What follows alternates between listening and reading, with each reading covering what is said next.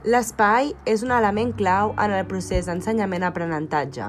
És indispensable que els infants es sentin còmodes i segurs en el lloc on es durà a terme el procés d'aprenentatge.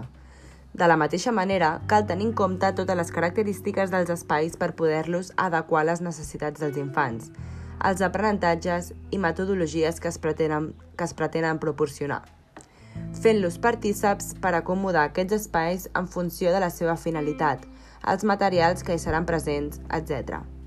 Un bon exemple seria delimitar un ambient relacionat amb la ciència i la naturalesa.